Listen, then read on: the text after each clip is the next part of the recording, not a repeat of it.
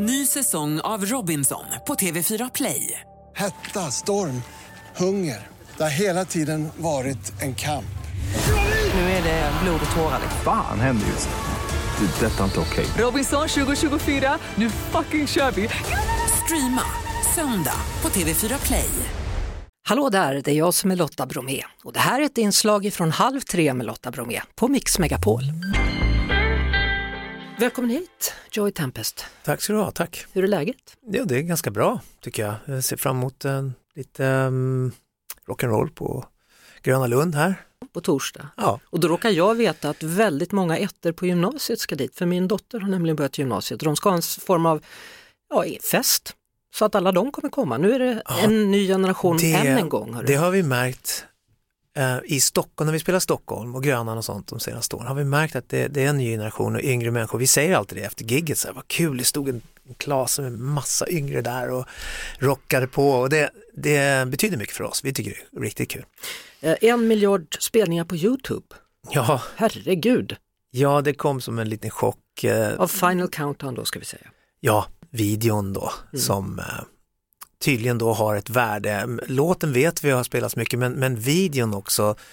Men när jag tittar på den nu, ja, det, det var ett ögonblick som var intressant. Vi spelade Solnahallen två kvällar. Sveriges Television var där, vårt videoteam från England filmade Sveriges Television som filmade oss. Det var lite, lite kul, lite spänning och det var ju ett band som var på väg. Liksom. Så det finns ett värde i videon. Medan på den tiden när vi tittade bak på den, ah, jag önskar de hade använt den svarta jackan med den vita jackan där och ja, det var vissa grejer. Så- vad- händer när man är en människa, musiker och får en sån megahit? Känner man att man har redan skrivit sin bästa låt eller får man prestationsångest? Har du fått det? Inte nu på senare år, absolut inte. Men just i eh, just när det händer så blir det ju ofta, det blir mer tryck utifrån. Det blir mer så här, äh, vi var ju, vi hade kontrakt med New York då, Sonys CBS Epic i New York. Och Final Countdown var ju med dem då och det började hända så då när vi skulle göra för uppföljaren så naturligtvis där kommer det ju, vad, vad, vad har ni för någonting, kommer det något? Liksom, vad- de flög över till tungviktarna, flög in till, till Solna när jag satt och gjorde demos där. Och, ah, liksom undrade vad det är som hände, spelade upp demos för dem och sådär. Det var väl mer där och kanske lite grann, men vi hade tidigt eh, den filosofin att det var bara ett ögonblick. Final Countdown var ett ögonblick som, som låtskrivare. Det, det, var, det funkade bra, det vart riktigt bra, men försök inte återskapa det utan alltid gå nya vägar med inspirationen och, och låt det flöda på det sättet. För att, annars blir det ju bara en pastisch på dig själv och, och allting låter samma. Jag, Europe är ett sånt band som försöker låta lite olika och ta nya vägar hela, väg, hela tiden och, och den filosofin har vi hållit. Men det är klart, det, man blir ju påminn om låten, liksom, någon som har den på ringsignal ute på stan eller någonting. Ja, det, Ja, Men det är fascinerande och det, Ja. det är liksom, jag är, lycklig för, eh, för det. För den var ju, det var ju en låt som skrevs, det riffet när jag var tonåring, mitt i natten på en keyboard som jag hade lånat.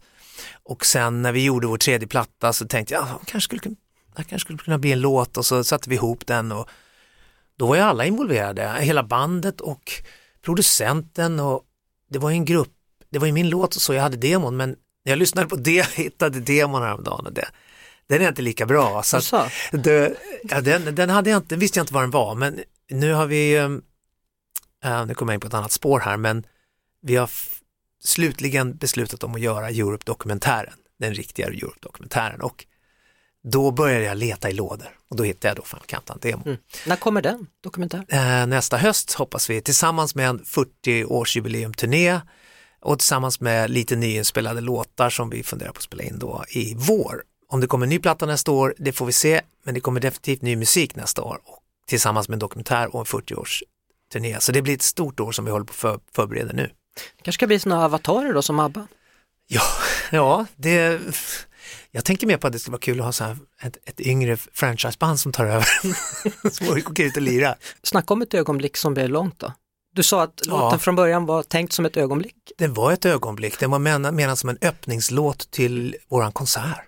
Någonting som bygger upp spänningen, den här introt och allt det där. Och sen var det ju bara att gå vidare, men den har ju inte lämnat oss, den, har liksom, den ligger där. Men den har också blivit, eh, den lever sitt eget liv och har blivit, eh, den hör till många andra. Det är många andra som, som tycker att de, det är deras låt och det tycker jag är vackert med låtar. Den, den, Jag har ju sådana låtar själv som jag verkligen som jag tycker är min låt, fast det är inte det, fast som jag älskar och som vill, vill höra igen. Sådär. Du bor ju egentligen i London. Mm, sedan många år ja. Din far gick bort i januari. Ja, det stämmer. Min pappa gick bort tidig januari och um, uh, jag, uh, han hade varit lite dålig så jag hade sagt ja till en del promotion i Sverige faktiskt. Jag, brukar, jag, jag all, ville aldrig vara kändis när jag började, jag ville bli musiker. Och, så jag, det har blivit många nej under åren, svensk tv och sånt. Men jag visste att han tyckte det var kul att uh, jag skulle vara med, så jag gjorde en grej på Skavlan, jag och Norum satt och spelade en, en ny version av Final Countdown på Skavlan. Och då var han, då var han, det var sista månaderna, men han satt där med, med sin hjälp där på, på det här stället där han var och det gjorde honom väldigt glad. Så jag träffade honom efter det. Och sen har jag gjort några andra grejer också för SVT. Mycket faktiskt på grund av mamma och pappa. Jag tycker att de, de tycker om och när det händer någonting. Min mamma nu, hon skriver gärna upp på sin tavla när det är någonting på gång. Så Gröna Lund såg jag när jag kom in igår, det står där, Gröna Lund. Och sen den här radiogrejen kommer hon säkert lyssna på också. Så att jag vill gärna göra, det är mycket för dem jag gör också. Jag förstår precis mm. vad du pratar om. Min pappa gick också hyfsat nyligen bort. Mm. Och min mamma ringer mig varje dag. Ja. Och ja. jag har något att se fram emot imorgon säger hon. Ja, precis. Och, och det betyder jättemycket. Ja, det gör det och det, det tycker jag är kul att göra för dem också. Ja. Så då är det mera, då får promotion en annan dimension för mig. För det är inte det roligaste i mitt liv. Jag vaknade upp på morgonen och sa yes, idag ska jag göra live-tv, wow! Nej, men om jag har ett bra gig på gång eller ska träffa killarna med en ny låt, det kan jag vakna upp och vara excited about. Mm. Men som sagt. Um... Men kommer mamman komma då på Gröna Lund ja, när ni spelar? hon vill komma och det, är liksom, det var lite så här förvånande, men för hon har de senaste åren, har hon, ibland kommer hon, ibland kommer hon inte, men nu är det definitivt, ja jag kommer, jag kommer, det måste jag komma på. Så det, det är väldigt kul. Mm. Det gröna blir speciellt också för det, det blir mycket kompisar, många andra band som kommer och mm det, är ty, det är tryck på gästlistan och tryck på, på andra listor och, och det, det, är många som vill komma. Det blir ett spännande gig. Joy Tempest, stort tack och hälsa mamma. Ja, tack, det ska jag göra. Vi hörs såklart på Mix Megapol varje eftermiddag vid halv tre. Ett poddtips från Podplay. I podden Något Kaiko garanterar östgötarna Brutti och jag, Davva, dig en stor dos skratt. Där följer jag pladask för köttätandet igen. Man är lite som en jävla vampyr. Man har fått lite blodsmak och då måste man ha mer. Udda spaningar, fängslande anekdoter och en och annan arg rant. Jag måste ha mitt kaffe på morgonen för annars är jag ingen trevlig människa. Då är du ingen trevlig människa, punkt. Något Kaiko, hör du på Podplay. Därför är gardinerna.